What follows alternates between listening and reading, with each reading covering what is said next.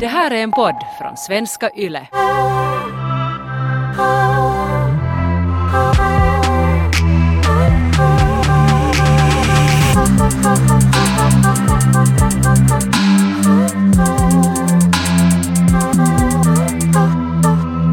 Taika, vad krävs det för att du ska bryta med någon?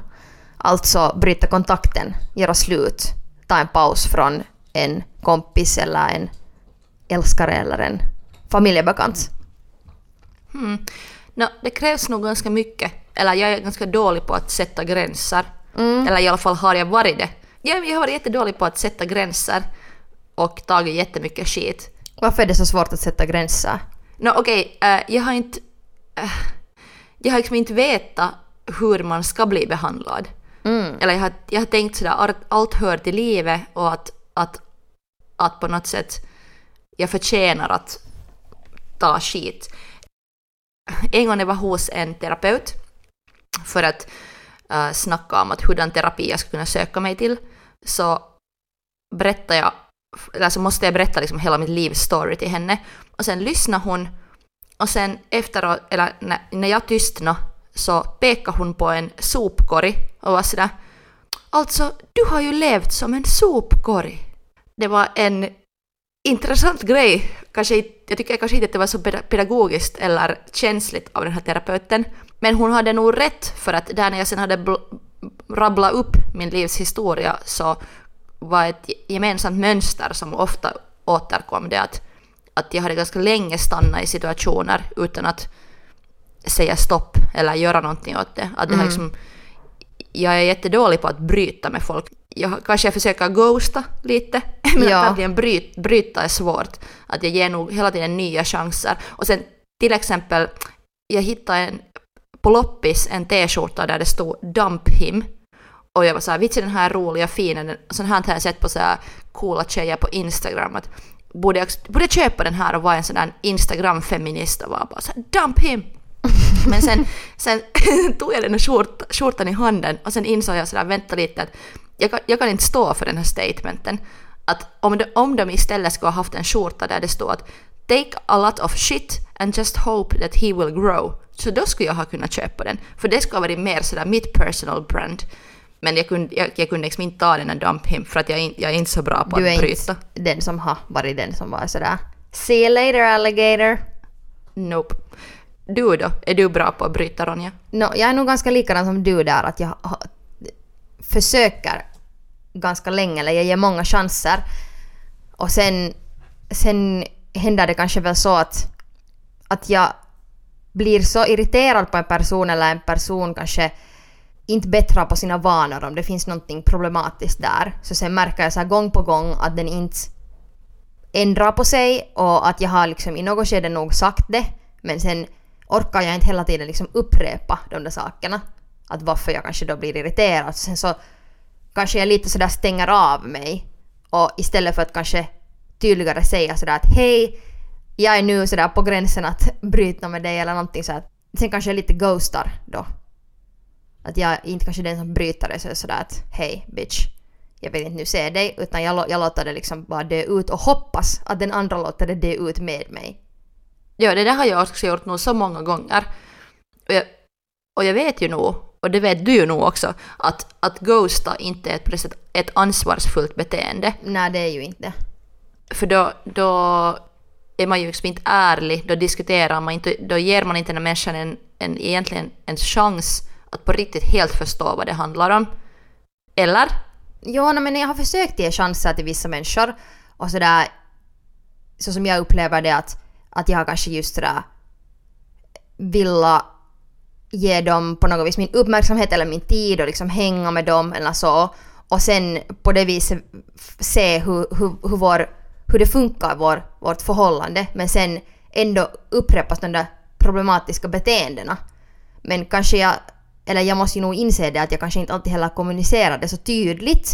Men det är också det att sen tänker jag kanske med vissa beteenden att okej om den här människan är jättegiftig så varför ska jag sätta ner min tid på att då skola den? Att jag, jag orkar inte alltid göra det. Att när det kommer den punkten att jag blir så trött på det att jag bara vill ghosta så då vill jag inte kanske heller ens jag har inte motivation att säga till den här personen vad som egentligen händer för att jag vill inte egentligen ha med den att göra mera. Att det kanske just det där brytande uppstår från ett sånt läge av äckel och på något vis att "Ugh, jag kan inte ha den här människan nära mig. Så därför vill du inte heller ha den diskussionen att hej, vad, vad det här beror på. Som jag kanske, kanske, kanske skulle göra med en kompis som äh, det har blivit någon gräl eller missförstånd med. Och sen har, Ja. eller jag har just en kompis som sa till mig i ett skede att hej, nu måste jag ta en paus från dig, att jag liksom vår kommunikation bara blev jättegiftig och speciellt för henne så upplevde hon att jag inte uppskattade henne. Så sen var hon bara sådär att hej, att jag måste ta en paus från dig för att det känns inte alls bra.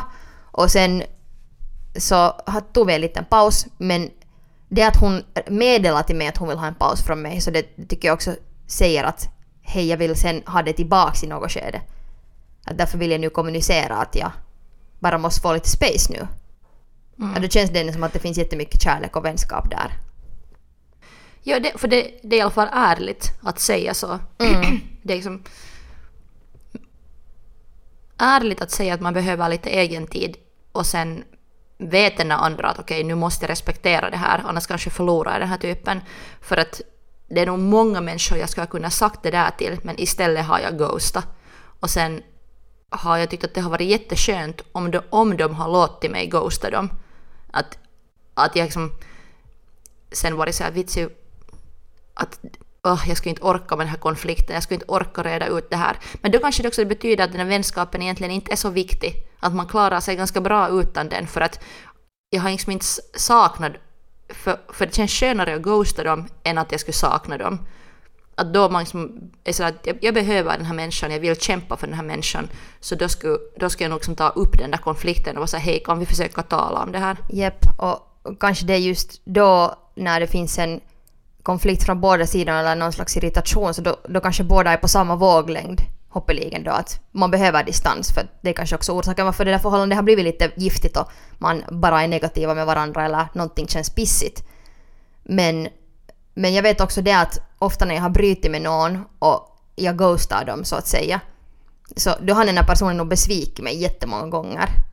Att då tycker jag inte att jag har varit sådär liksom, eller inte, inte jag nu så här sån cold-hearted bitch att jag skulle bara sådär någon som helt underbar och, och vi har en bra vänskap och sen ghostar jag dem. Så går det ju inte. Utan det är just det att det är någon människa som är jätte, jätte toxic och jag har försökt i alla fall i något skede kanske sådär säga hur jag känner mig men sen har, sen har det inte riktigt liksom kom, kom in genom ena örat och ut genom det andra.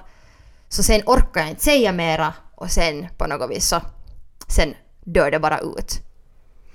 Jag tycker det som är bara jobbigt med att om man låter saker dö ut och ghostar folk, så då finns det nästan liksom bokstavligt en massa spöken runt om en i stan. Liksom att, att, att om vi nu talar om att man har ghostat vänner som man inte har riktigt rätt ut saker med, att man har bara växt isär och tagit avstånd, så jag, får, jag, jag, får, jag känner sånt obehag om jag stöter på såna före detta vänner på stan. Jag får liksom lust att vända mig och springa åt andra hållet. Liksom, det, jag tycker det är jättesvårt att möta de där människorna för att man aldrig har riktigt dealat med den där grejen. Men att om man har, om man har talat med någon sådana typer om det på något sätt och bestämt någonting så då kan kanske det No, inte, inte ens kanske då känns det lättare. Det känns som kanske ändå som att, att det är som att man skulle stöta på en ex-pojkvän eller någon sån här ex Japp. älskare. För det är ju lite det, man har ju lite älskat varandra. För om man, om man har varit nära varandra som, om man har varit, varit nära varandra som vänner, man har haft ett intensivt förhållande och sen plötsligt så kan, kan man inte mer vara med varandra. Så nu känns det ju som en, att man stöter på ett ex. Ja, speciellt då när det har funnits kanske just den här diskussionen att hej, nu måste vi bryta, nu måste vi ta en paus. Om man har ghostat någon så är det inte kanske så awkward för att det finns ännu så här, när saker har naturligt dött ut så kanske det liksom inte då helt tydligt sådär att hatar du den andra eller inte. Att kanske det som jag gör när jag ghostar någon så att säga är att jag inte kanske helt mera uttrycker hur mycket jag irriterar den här, hur mycket den här människan irriterar mig. Att jag försöker kanske till och med leka att jag är mera OK än vad jag är för att jag orkar inte med den här konflikten. Jag orkar inte liksom ens dela så mycket mera, in, så mer intima saker med den här personen. Så då kanske jag svarar artigt på meddelanden. Jag är kanske sådär... Jag hatar ju inte den här människan så det är inte så dramatiskt. Men jag väljer att inte dela med personliga saker. Så om jag ser den här människan på stan så är det inte så farligt. För att jag har egentligen satt upp en vägg för den personen. Så det är bara som en random människa till mig. Det låter ganska cold nu. Nej, det, nej, det låter jättesmart för att det är ju nog en, ett privilegium att vara vänner. Eller så att, att, att, någon li, att lita på någon så mycket att man vågar berätta saker till den och att den också berättar saker till dig. Så det, det är liksom... Det, kan, det ska man så inte ta som en självklarhet. Ja. För att just sen att om någon gör en besviken eller sårar en eller på något sätt gör en illa. Så det är ju det som händer att man börjar lita på den mindre och mindre. Och det är jättesmart Exakt. att då bestämma sig för att okej, okay, jag, kan, jag kan vara helt vänlig mot den här människan, men jag behöver inte mer ge av mig själv till den. Ja, sant. Du har tappat någon respekt för den och någon slags sådär just vilja att dela med sig sitt, sitt innersta. Men eh, hur, hurdana beteenden kan det då vara som till exempel dina vänner kan ha att, som gör att du, du tappar lite respekt eller förlorar tillit för dem, att du måste ha distans. Så vad, finns det några exempel på vad, vad sådana grejer kan vara?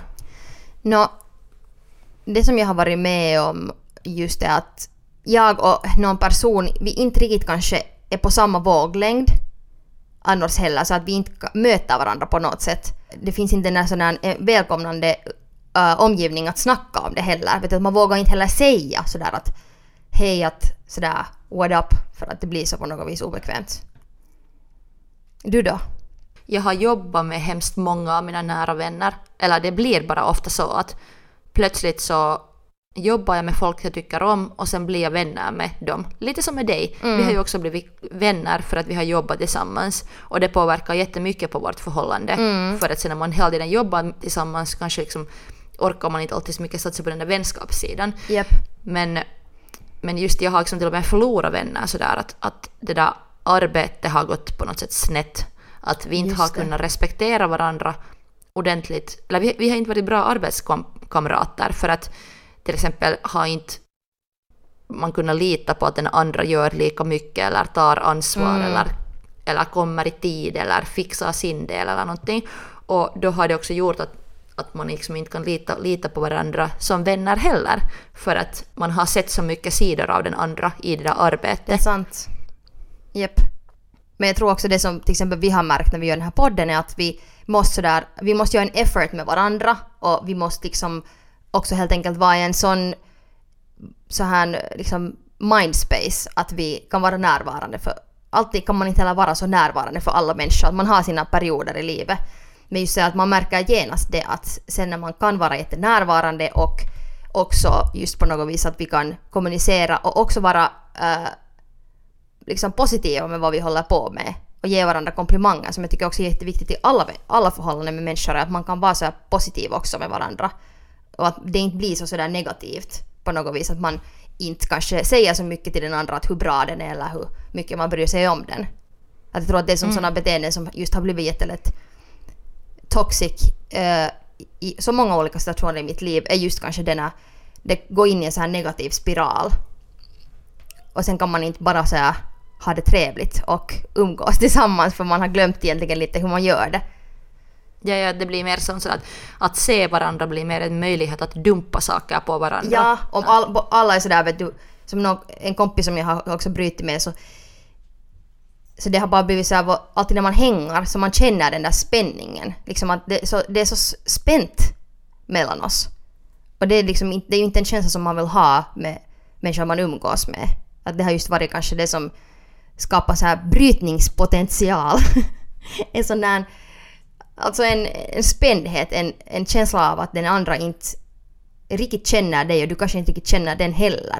En grej som har fått mig att bryta med vänner är också att om jag själv har mått jättedåligt så och det har tagit lång tid för mig att lära mig att det är okej att om man själv mår jättedåligt att man inte då klarar av vissa vänner. För att då när man själv mår dåligt så märker man kanske lättare att, att vissa av ens vänner har vant sig att, att, att de alltid får berätta, att de just får söka stöd alltid hos en. Och kanske man tidigare har kunnat hjälpa men sen, sen flera gånger i mitt liv har det hänt saker som har varit så stora kri- kriser för mig att all min energi har farit i den krisen.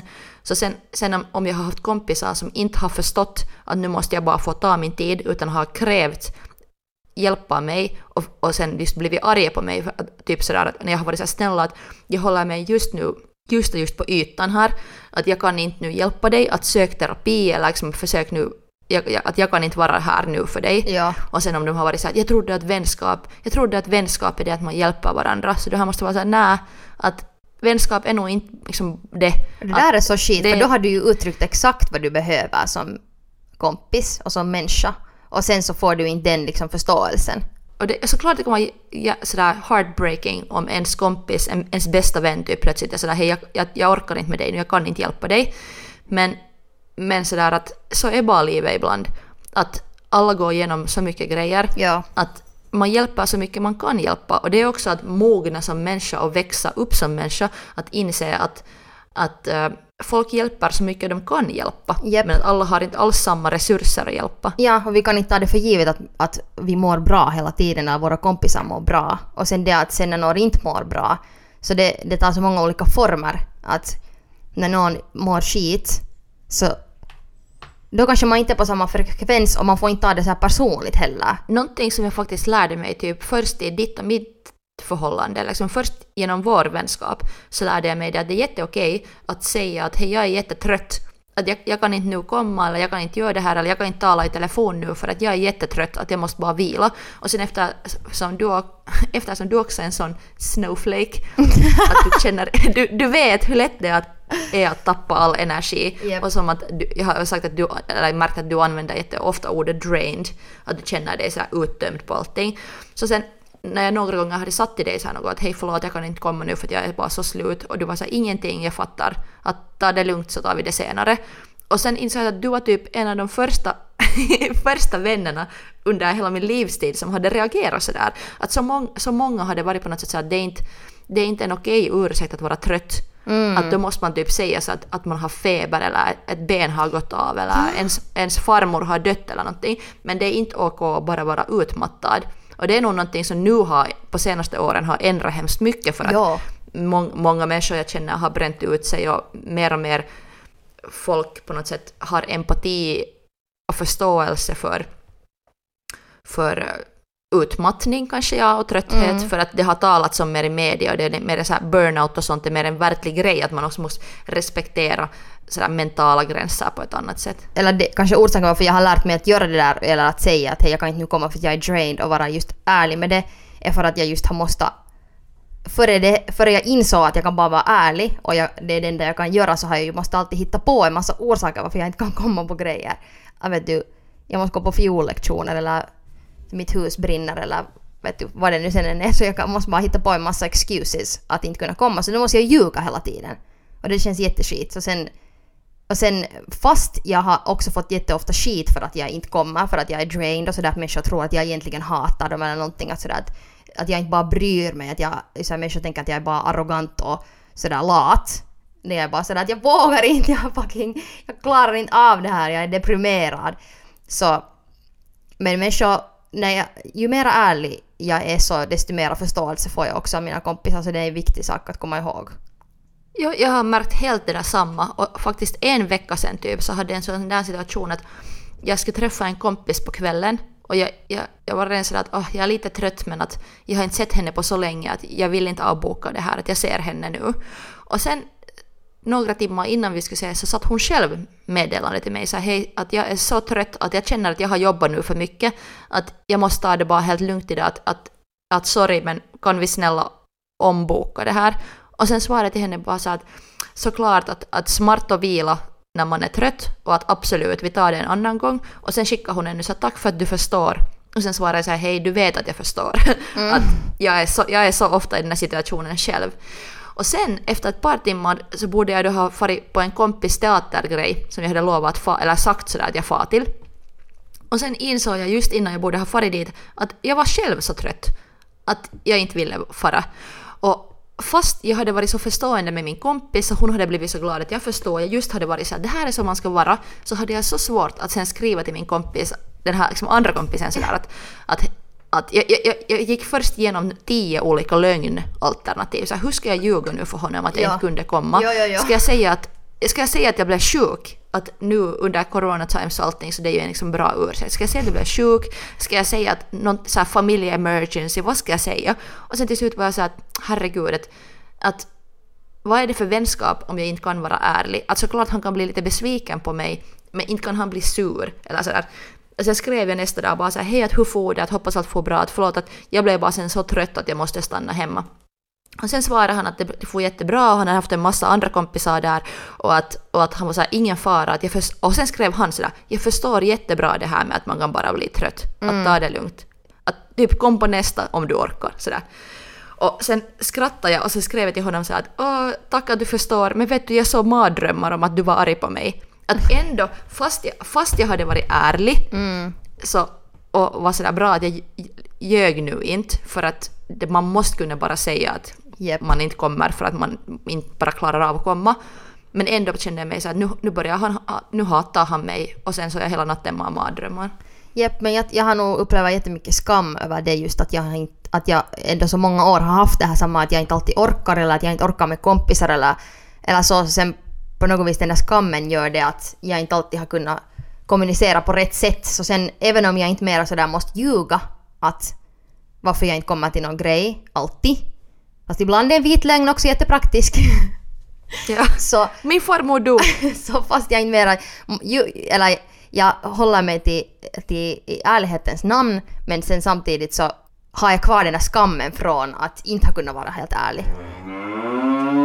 Men det känns så dumt just att ljuga. Eller så, som du sa, såklart ibland en vit liten lögn kan vara helt praktisk. Men sen om det handlar om det att just man inte, inte vågar ta konsekvenserna av det, att någon kanske skulle bli lite besviken. Ja. För jag menar, nu också när jag sa att jag, jag klarar inte av att komma på den där hans föreställning, min kompis föreställning, så sen genast köpte jag biljett till nästa. Jag var såhär, Ja. men till nästa far jag. Att nu orkar jag inte, men nu, nu tänker jag liksom binda mig så att jag far, jag, visar att jag ändå är investerad i honom och vår vänskap. Jag far till nästa. Ja, sant. Så jag far Ja. till nästa. Mm. Och sen skickade jag screenshot på så här den där biljetten. Så titta jag har köpt den, jag lovar jag kommer till nästa. Han var såhär jo jo. Liksom. Din, din guilt bara skiner. ja, ja. Och så, man måste kompensera lite för att man har fejdat. Men där kanske det säger också att du känner, du känner ändå någon skam, så du måste ändå lite visa att du just inte är en skittyp. Fast egentligen så skulle du inte behöva gå, boka den nästa biljetten, du behöver inte egentligen lova någonting vad du kom, att, att du kommer nästa gång. Att det har inte egentligen någon skillnad, men såklart vill du nu, du vill kompensera för att du har fejdat. Så du känner dig ändå lite skit över det. Jag hade födelsedagsfest någon gång fyra, fem år sedan och jag hade bjudit dig och en massa andra människor och hade massa, massa planer på att vi, vi skulle nu få på någon cake och det var så att jag hade liksom verkligen satsat på den här festen. Och sen satt du, satt du meddelande till mig i något skede av kvällen så här, hej förlåt att jag kan, inte, jag kan inte sen heller komma men att en överraskning så kommer att vara vid, vid din dörr vid, vid nio att när summan ringer på så öppna. Och det var ju ditt sätt att, att kompensera sen för att du Sant. inte kom. Och jag blev först såhär, okej att Ronja, Ronja klar, kan inte komma men att, att wow, hon, hon, sen skämtade jag såhär, har hon skaffat hit en sån strippare åt mig eller vad är det här för så här konstig överraskning? Och sen då klockan nio, när summan ringde, så var det en jättestor sån här partybricka med sushi som du hade uh, budat hem till mig. Och det var, och det var jättenice. Eller så här, samtidigt så var jag såhär, okej att hon känner sig så här skyldig för att hon inte kommer. Men, men, men jag kände mig nog jätteälskad älskad av den där råa fisken som, som var där bakom dörren. Ja, nu, nu är det ju en kiva effort att göra ändå. Men vet du vad jag gjorde? No. Det var jättekiva effort, tack, tack ännu också. Jag var sådär att, att det var, det var ändå inte så pass mycket sushi att jag ska kunna bjuda alla där på festen, så jag satte den i kylskåpet och var såhär vits att imorgon kan jag bjuda min campis, för jag bodde då med en, en rumskompis, Ja. att jag kan bjuda henne och mig på så här krabbis sushi. Men sen på nat- natten hade jag kommit i fyllan hem och ätit allt ensam. Allt!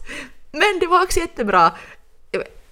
Det var jättebra och jag är ändå också jättetacksam men, men att du inte skulle du ju ha behövt. Nej, men, alltså det var ju nog jag- av guilt, det kan jag helt säga. Att jag ville ändå göra no, ge någonting, att jag ändå på något vis kan vara där. För jag, jag kände ju nog mig jätteskyldig men samtidigt så jag, jag var så fucking utmattad och jag hade sån huvudvärk och det var bara så här, vet du, det, det är fysiskt omöjligt för mig att komma dit. Så egentligen jag borde ju inte ha känt mig liksom skyldig alls men sen ändå så är just det här kanske att, som jag har upplevt med många kompisar är att, att du måste där hela tiden upp, uppnå vissa kriterier för att vara någons kompis.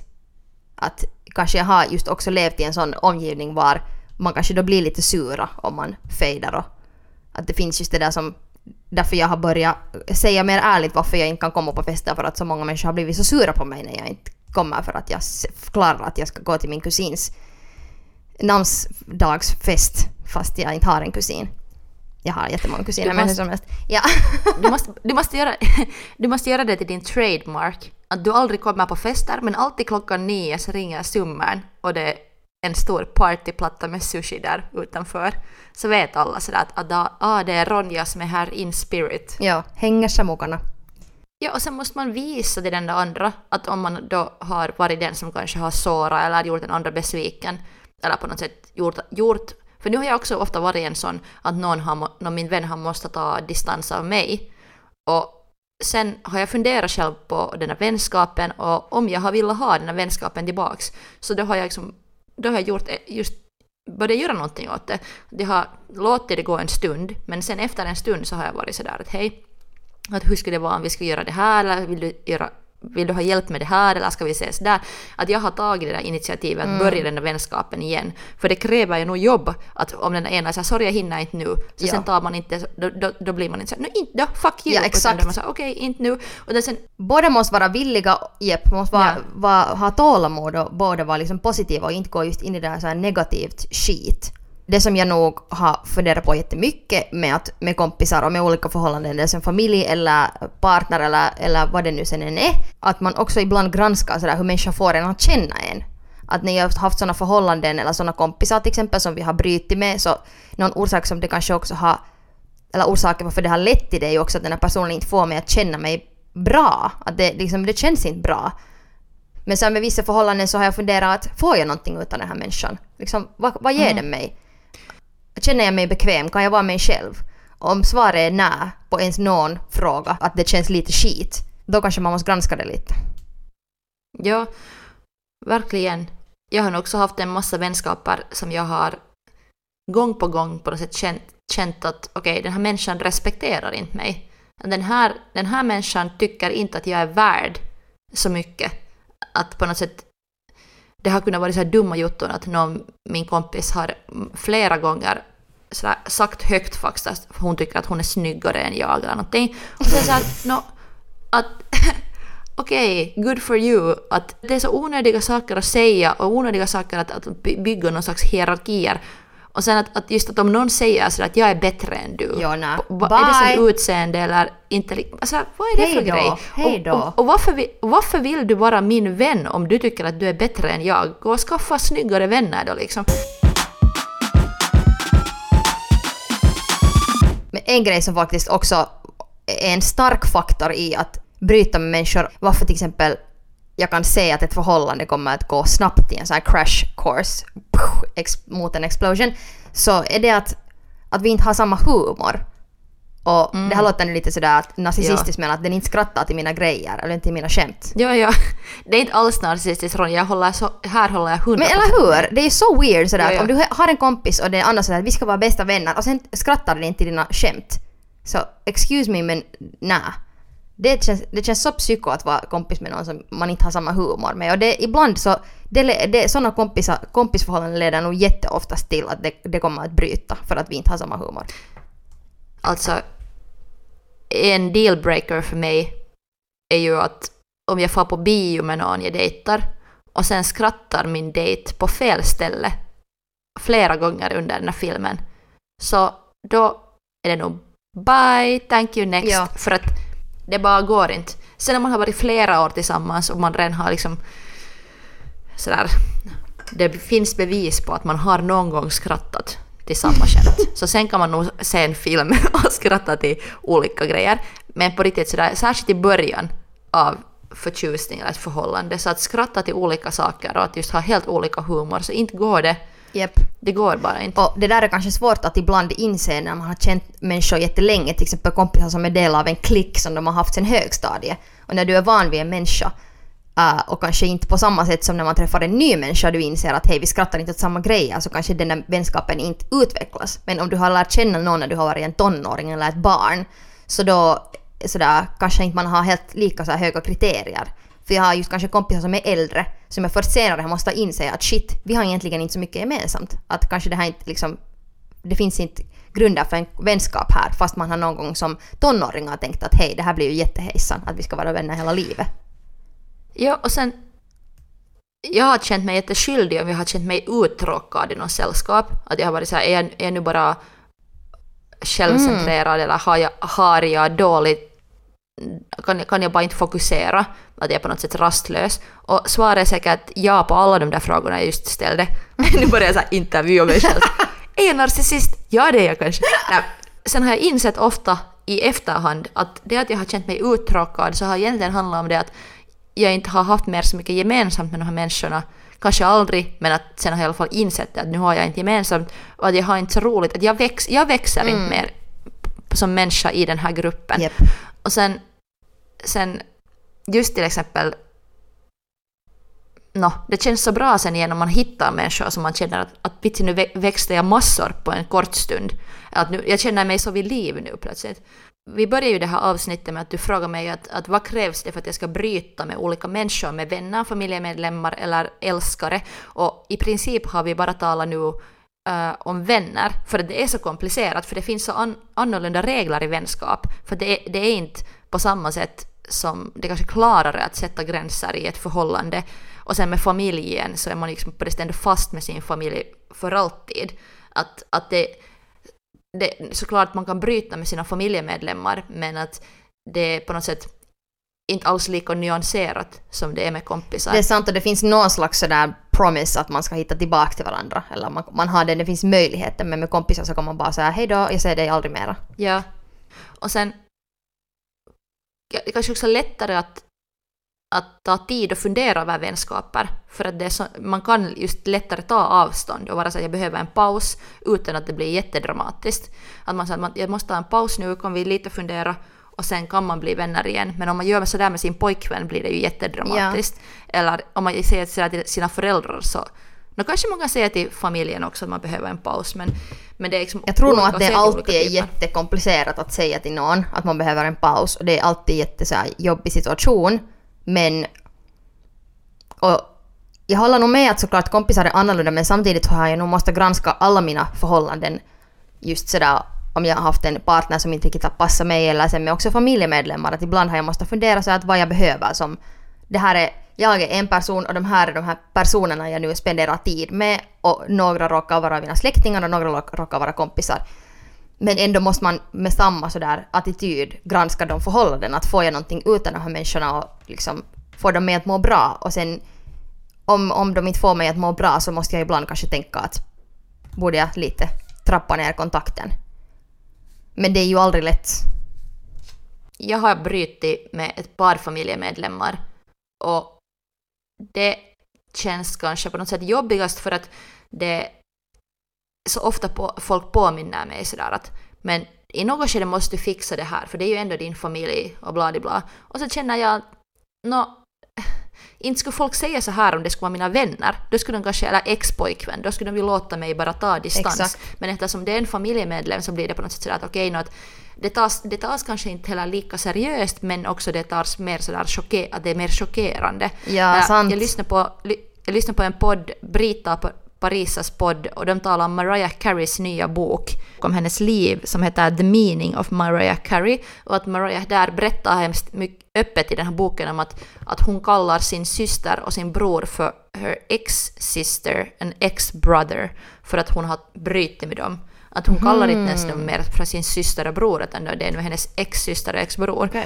Och det här tyckte jag var en helt intressant tanke för att, att det egentligen, som jag sa, jag, om jag stöter på sådär vänner som jag har någon gång ghostat eller brutit med så det känns som att jag skulle träffa på ex för det är ju det. Det är liksom ex-vänner. Och ex-pojkvänner är så konkret för att de har det där namnet, att det är sådär ex-pojkvän.